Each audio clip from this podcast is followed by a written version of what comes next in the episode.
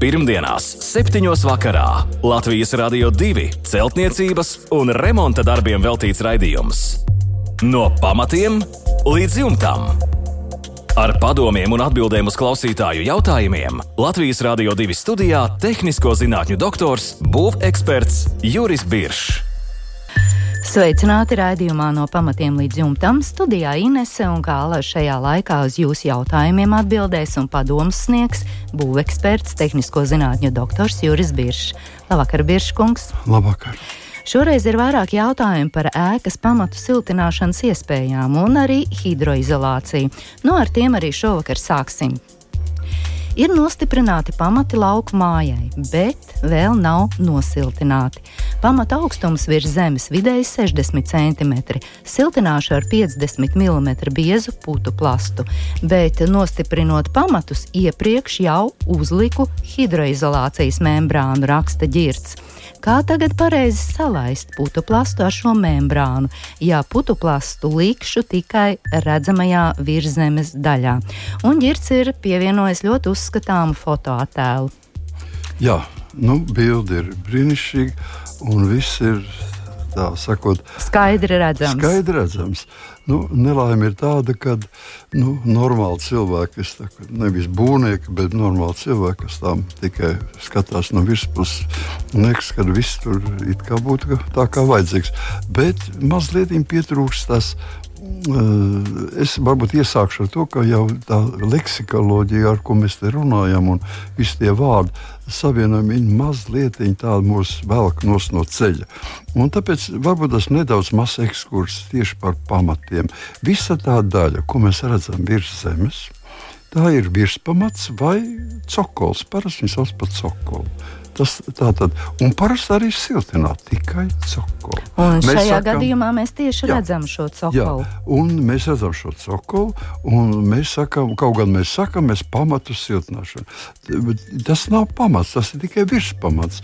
Apakšējā daļa, kas ir zem zemes, viņi var būt dažādi veidi, tur pareizinājumi un pakāpienu veidīgi. Un to mēs saucam par fundamentu. Kopā cokols plus fundaments dod pamatus. Un tāpēc, ja mēs pamatus saprotam un siltinām līdz pašai apakšai, tad līdz fundamentu pēdai, nu, man vienmēr ir jautājums, kam tas ir vajadzīgs. Vai tas tiem kurmiem un tām, tiem zemes vēžiem, kas tur dzīvo, tur nekā labuma nav. Cilvēks no tā nejūt it neko.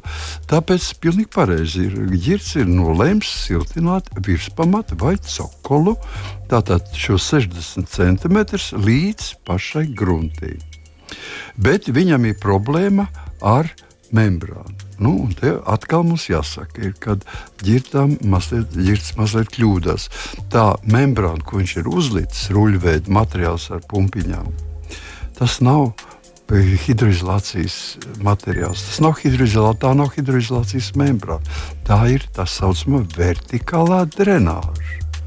Tas vispār nav nekāda izolācija. Tā nav ne siltumizolācija, ne hidroizolācija. Tas ir vienkārši ruļveida plastmasas ar izvirzījumiem uz iekšpusi, uz sienas pusi. Tātad viņš at, atdala mums pamatu sienu. Šai gadījumā viņš atdalīs mums fundamenta sienu līdz pašai augšā, līdz kur beidzās eh, grunts jau līdz šai daļai no grunts. Tātad grunti un fundamenti atdalīs šī membrāna. Un tāpēc tā ir vertikālā pamatu vertikālā membrāna. Pilnīgi pareizi tā ir nepieciešama, lai visi mitrumi, kas dodas uz augšu, nevajadzētu viņiem iet līdz visiem pamatiem, no, no pamata pēdas līdz pašai, teiksim, tur, tur kur atrodas horizontālā hidroizolācija, tas ir virs cokola. Bet viņi varētu jau izkļūt ātrāk ārā un gar sāniem. Tā tad ir brīva iespēja atbrīvot šo mitrumu. Šis mitrums pēc tam difundē ārā pa to spraugu, kas ir starp membrānu un pamatu. Tāds ir viņas nu, pielietojums kā tāds. Viņš ir pareizs un tādam arī jābūt. Tad tā, mēs viņu laižam līdz grunts augšai, un šeit Nu, mums tagad ir ģirdēm galvenais jautājums, kā savienot kopā. Tātad savienojums ir sekojošs. Vispirms mēs pielīmējam vai dībeļiem piestiprinām šo cokola siltinājumu, kuram nav īpaši liela nozīme, bet viņš tomēr uzlabo mājas siltuma izolācijas īpašības un rada brīnišķīgu skatu. Tātad ir derīga lieta. Mēs viņu stiprinām pie cokola augšdaļas un uz leju apmēram 10, nu, maksimums 15 cm zem grunts. Ne vairāk. Un šī membrāna iet virs gar ārpusi uz šo siltumizolācijas materiālu. Ne, nekādā gadījumā nelaist to membrānu pie, pie pamatu sienas un siltinājumu pārklāt pāri. Tā būs pilnīgi nepareiza. Tātad siltinājums šai gadījumā um, polistirola plāksne. Ekstrudēta, un viņai virsū nāk lūk, šī horizontālā, atvainojiet, šī vertikālā mm, drenāžas membrāna. membrāna. Jā, drenāžas membrāna nāk virspusē. Viņa iet virspusē, uh, Un tā tad apmēram atrodas nu, centimetrs piecus virs, virs uh, grunts. Un, jā, un tā kā viņa ir, ne, kā mēs redzam arī pašā tajā fotoatsūtītajā fototēlā, viņa ir virs mauriņa. Nu, tā viņa nepaliek. Viņa ir, pirmkārt, viņa nav estētiski smuka, otrā kārtā, kā tam viņa saules uh, ultravioletas starī darbībā sadēdēs ļoti ātri. Un tāpēc mēs viņu piesadzām vai nu ar, ar olīšu kārtu, Ja? Tā, kā, tā kā ap māju ir betona apmals, tad netaisām monolītas betona apmals, kas ir kaitīgas, bet liekam īsi atsevišķiem vai nu no atsevišķiem mm, plāksnēm vai no oļiem. Un tātad šie oļi tiek iz, iz, pielietot lielāka izmēra nekā šīs spraugas, ar, ko veido telpiskā geomembrāna un tas ir 8 mm. Izvirzījumi ir 8 mm. Liel, lielāks, lielāki oļi mums droši nosedz viņu. Un viss tas viņi noklāja un nav redzami vairāk. Tātad virs, virs šīs membrānas viņi pat var atrast. Turpat starpā var smilts nedaudz iebirt, un tas nav nekas ļauns. 10 centimetri teiksim, smilts, ja nejauši iebirst, arī tas vēl nav nekas. Tu jau cauri virzās tikai ūdens tvaiki un vairāk nekas īstenībā. Jā, bet es skatos, ka ģirta attēlā melnzeme ir pavisam, pavisam klāt uh, mājai, tur zālīt aug. Jā, nu. Vai tur nevajag kaut ko mazliet, mazliet nē, nē, nē, nekas nav. Šai gadījumā nu, tā nekas ļauns neveidosies. Es teiktu, ka, kad, uh, nu, tas ir, ja saglabāsies šāds mauriņš. Ja tur izveidosies kāds jau spēcīgāks, augsts, spēcīgāks akņu sistēma, tad viņš var ieklu, ieklupt tajā teiksim, cokola, cokola apmetumā. Bet kas būtu jā, jānosedz, būtu lūk šī vertikālā nu, vertikālā drenāža, šī hidroizolācijas, eh, ko, ko ģirds sauc par hidroizolācijas membrānu, tā īstenībā ir telpiska geomembrāna. Viņa būtu jānosēdz, viņai tā nedrīkstētu mm -hmm. atrasties. Bet tā tad olīši vai arī uh, izklaide? Vai, vai mēs, teiksim, piemēram, ņemam bruģakmeni, betonu bruģakmeni, mēs, viņš ir 7 centimetri augsts. Ja mēs esam uz, pielikuši 5 cm grunts, novietojot blakus bruģakmenīt, viņš 2 cm pārsedz pāri šo. Un Jā. tāds viņš var palikt. Un dekoratīvi un smuki viss kārtībā. Dekoratīvi, smuki viss kārtībā. Daudz lielāka uzmanība jāvērš ir otrā pusē, uz augšu, tur, kur beidzās cokols Cokols bija un sākās siena. Šeit mēs neredzam viņu, jo šeit viņa ir apšūta ar apšūves materiālu. Ja? Jā, tas koka. ir koks. Ja tas ir koks, tad viņam jābūt atvirzītam tā, lai apakšā būtu šis siltinājums. Ja? Un tad šī sprauga un tad tikai šis koks beidzās. Savienojums spraugai apmēram 3 cm biezai jābūt platai, un viņu no apakšas sedz nu, teiksim, tīkliņš vai, uh mhm. -huh. vai kādas restītes, lai tur nelīst iekšā dažādi grauzēji. Jā. Jā. jā, paldies, Biržkungs, par atbildi ģirtam. Un turpināsim ar Māras jautājumu. Cik būtiska ir pamatu horizontālā hidroizolācija vecai cara laika mūra ēkai ar biezām sienām? Šāds ir Mārs jautājums. To laikam ir iespējams veikt tikai ar injekciju metodi, kam jāsako līdzi, lai būtu drošs, ka viss veikts ir kārtīgi un akurāti, jo darbus uh, neveiks paši īpašnieki, bet noteikti aicinās speciālistus. Vai taisnība, ka pēc hidroizolācijas izveidošanas mitrums kopā ar sāļiem izvadīsies no konstrukcijas vēl vairākus gadus un var bojāt? Izveidoto apdari. Ēka nav īpaši mitra, laukakmeņu pamati, kādus gadus gan ēka nav praktiski kurināta, tikai viena telpa augšstāvām. Nu Lūk, no, šāda māras vēstule un šāda situācija. Mm. Vēstule ir ar ļoti dziļu tādu jautājumu, un es pat teiktu, ka ļoti pateicīgs esmu Mārai, ka šāds jautājums parādās. Tas ir, to vajadzētu visiem ļoti ieklausīties šajā lietā, jo tiek skarts viens no ēkas būtiskākajiem elementiem, tā saucamā pamatu horizontālā hidroizolācija. Viņi sauc arī par cokolu horizontālo izolāciju. Un šeit eh, Māra, nezinādama to, ka tas jau ir piederoši pie mājas, atcīmredzot, viņi domā, ka viņu vajadzētu izveidot. Vecām cara laika mājām visam 100% bija šī horizontālā hidroizolācija. Agrāk vispār nemācīja nekad pat domāt. Domās nepieļauj, ka varētu nebūt viņa. Cita, cita lieta ir, ka šie laiki ir daudz gājuši, un šī horizontālā hidroizolācija var izzust var tikt bojāta, un var, nu, teiksim, nu, vecos laikos nevarēja viņu neizveidot. Jaunajos laikos gan bieži izveidojam ēku pat bez šīm horizontālās hidroizolācijas. Kas ir horizontālā hidroizolācija? Kāds viņas, teiksim, nu, būtība? Darbības princips. Darbības princips. Darbības princips ļoti vienkārši. Viņa ir šķērslis starp apakšu, tātad starp pamatiem, no pamatiem mums nāk uz augšu mitrums, tad viņš iet uz, uz siltumpusi, no grunts uz siltumpusi, iet viņš uz augšu un nonāk līdz horizontālajai hidroizolācijai. No augšpuses horizontālajai hidroizolācijai nāk visi tie mikroskopiskie ūdens pilieniņi un ūdens, kas nu sakrājas uh, sienās.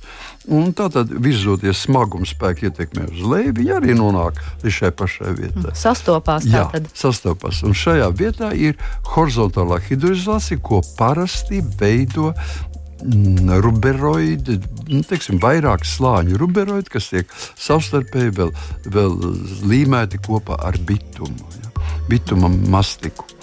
Nu, un kas šeit notiek? Visi šie mitrumi, gan no augšas, gan no apakšas, tad, tad nonāk šajā vietā.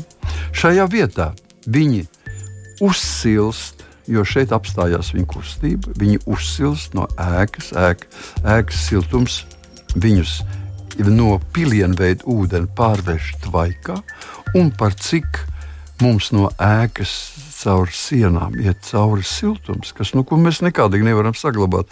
Viņš mums uh, telpās ir, pēc tam viņš mums atzīst telpu. Ja? Viņš iziet caur sienām, caur dažādiem no, norobežām konstrukcijām, iziet ārā. Un ejot ārā, viņš paķer līdzi šo tvaikā pārvērsto ūdeni. To tā, tātad mēs sakām, ka pamatu horizontālā hidroizolācija īstenībā ir mājas plaušas. Māja elpo ar šo elementu caur pamatu horizontālo hidroizolāciju. Un tāpēc tā ir ļoti būtiska, lai mēs bez elektrības, bez savas iedarbības, bez jebkādām citām mākslīgām, mākslīgām uzraudzībām, mēs māja pati atbrīvojas no mitruma. Mēs ja to viņa, panākam jā, tādā veidā. Nu, tādu, tas ir gadu tūkstošiem Pārbaudīts. pārbaudīta metode. Un tāpēc, teiksim, jau sevišķi eh, avangardistiski jaunatni bieži domā, ka mēs varam ar, ar, ar dažādām hidroizolācijām tā tālāk visu to likvidēt. Tas tā nav. Tāpēc ir ļoti svarīgi. Ja ēkai ir jau zudusi šī horizontālā hidroizolācija, kas notiek apmēram pēc gadiem 70, 80 Un, ja viņai ir bojāta vai, kas, vai vispār nav, tad, jā, tad mēs ar injekciju metodi, kas ir viena no metodēm, jau varbūt mehāniska, varbūt injekcija, varbūt mm, elektroķīmiskas metodas. mēs atjaunojam šo horizontālo hidroizolāciju. Horizontālās hidroizolācijas teiksim, injekciju izveide ir ļoti būtiska. Es nezinu, cik mums laika ir stāstīt visu to. to tā ir diezgan sarežģīta, sarežģīta lieta. Principā tas nozīmē, ka mums ir slīpi urbumi sienā ik pēc 15 centimetriem. Parasti to dara pamatu grīdas un sienas vietā. Tieši šajā tajā savienojuma vietā mēs veidojam ik pēc 15 centimetriem urbumu, divu trešdaļu sienu biezumā. Un šī urbums apmēram 6 līdz 8, no 9 mm, diametrā. diametrā šie, šie urbumi. Šos urbumus mēs izpūšam ar saspiestu gaisu, lai viņi būtu tukši. Sausi, tīri. Sausi viņi Nē. nekad nebūs, jo tur ir mitrs bet betons, bet viņi, lai vienkārši būtu, nebūtu cietā viela tur iekšā, un mēs viņus piepildām ar speciālu šķidrumu. Vai nu mēs viņus ar mehāniski, ar, ar, ar, ižekt, ar saspiesta gaisa palīdzību, tāpēc veidojas nosaukums injekcija. Ja mēs iedzenām ar spēku iekšā, vai mēs vienkārši ielējam. Tas ir atkarībā no kādu materiālu mēs tur liekam. Un tad, pēc, ja ir ar, ar, ar saspiestu gaisa palīdzību, mēs viņus mm, iedzenām iekšā. Tātad piespiedu kārtā, tad mēs momentā aiztaisot pēc tam ciet šo urbumu, panākam praktiski reāli materiālu, to hidroizolāciju gan izveidot nu, teiksim, dienas laikā. Ja viņš, bet, ja mēs ielējam, tad viņš vairāk mēnešu laikā pats pieplūst un izveido šo ūdens necaurlaidīgo kārtu.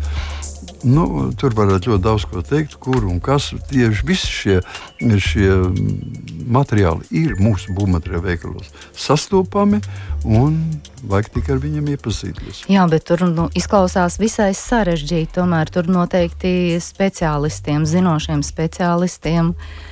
Ir darba lauks. Jā, nu tas ir godīgi sakot, katrs gadījums ir atsevišķs gadījums, apskatāms atsevišķi. Katra mājai nedaudz savādāk ir. Ja? Vai nu pielietojam savādākus, savādāk šo, vai vispār varam iztikt bez teiksim, injekciju metodēm, mm, ja tas mitrums nav tik daudz. Ļoti bieži mūs izglāb tikai ja pirmajā jautājumā aplūkotā telpiskā geomembrāna ar šīm pumpiņām. Uz, no ārpuses uzliekot virsū, mēs varam iztikt arī bez visām injekcijām.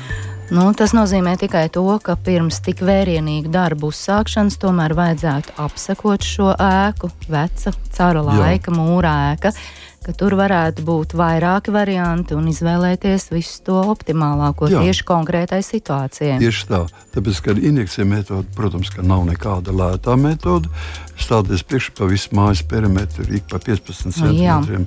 Un, ja tie pamati ir gadu desmitiem bijuši, tad viņi ir ar dimantiem jā jaurbi. Un, un, un tas ir arī tas šķidrums pats, kas jāliek iekšā. Tātad tas ir diezgan sarežģīts process, kur ir jāizvērtē, vai viņš ir nepieciešams, kur viņš ir nepieciešams un ar ko viņu varētu aizstāt. Jā, varbūt ir citas alternatīvas. Jā. Paldies, Biržkungs, par atbildi Mārai. Pirmdienās, 7. vakarā Latvijas Rādio 2 celtniecības un remonta darbiem veltīts raidījums. No pamatiem līdz jumtam.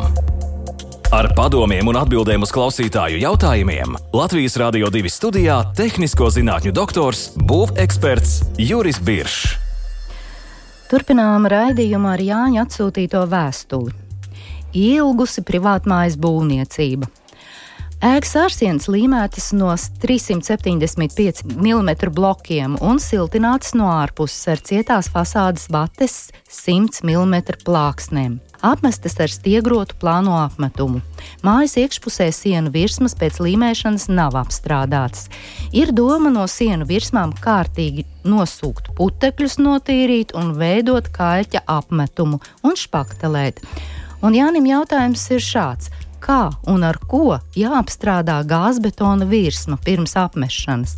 Redz, Jānim viens meistars ir ieteicis gāzbetonu piesūcināt ar ūdeni, jo kaļķis ūdeni tūlīt izvilkšot, bet ja nu velk vairākus gadus, jautā Jānis, varbūt pareizāk ir gruntēt ar dziļas iedarbības grunti, bet vai grunts radītais slānis neradīs gāzbetona elpošanas problēmas un slikti neietekmēs telpas mikroklimatu.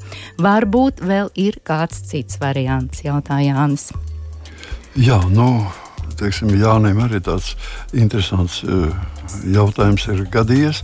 Bet uh, es teiktu, ka, protams, ka vienmēr būvniecībā ir tiešām būvniecība ir interesanta ar to, ka mums ir ļoti daudz dažādas iespējas un variantu. Jo būvmateriāli paši par sevi jau ir ļoti daudz, daudzveidīgi, un tāpēc arī tehnoloģijas ir ļoti dažādas. Un iesāksim varbūt tas visvienkāršāko nu, par to, kad kad gāzbetons, gāzbetons ir, ir ja tā saucamais šūnbetons vai vieglais betons ar ļoti eh, teiksim, lielu kāri pēc ūdens. Gābetons ir viens no tiem materiāliem, kas ļoti kāri uzņem ūdeni, un viņa nelaime tā, ka viņš negrib to atdot viņš atņem pat visiem citiem materiāliem. Ja mēs ap, teiksim, uzliksim uz gāzbetonu virsū riģipšu plātnes, tad viņi savstarpēji cīnās. Gāz, riģips uzņem zinām mitrumu daudzumu, un pēc tam, kad ir sausāks, cenšas atdot to telpai, bet gāzbetons no viņa atņem šo, šo mitrumu. Tāpēc gā, ar gāzbetonu un ūdeni jābūt ļoti, ļoti uzmanīgam. Tātad uz to meistaru iedara ieteikto padomu, nu nedrīkst nekādā gadījumā lietot. Ja, tas ir ļoti nepareizi.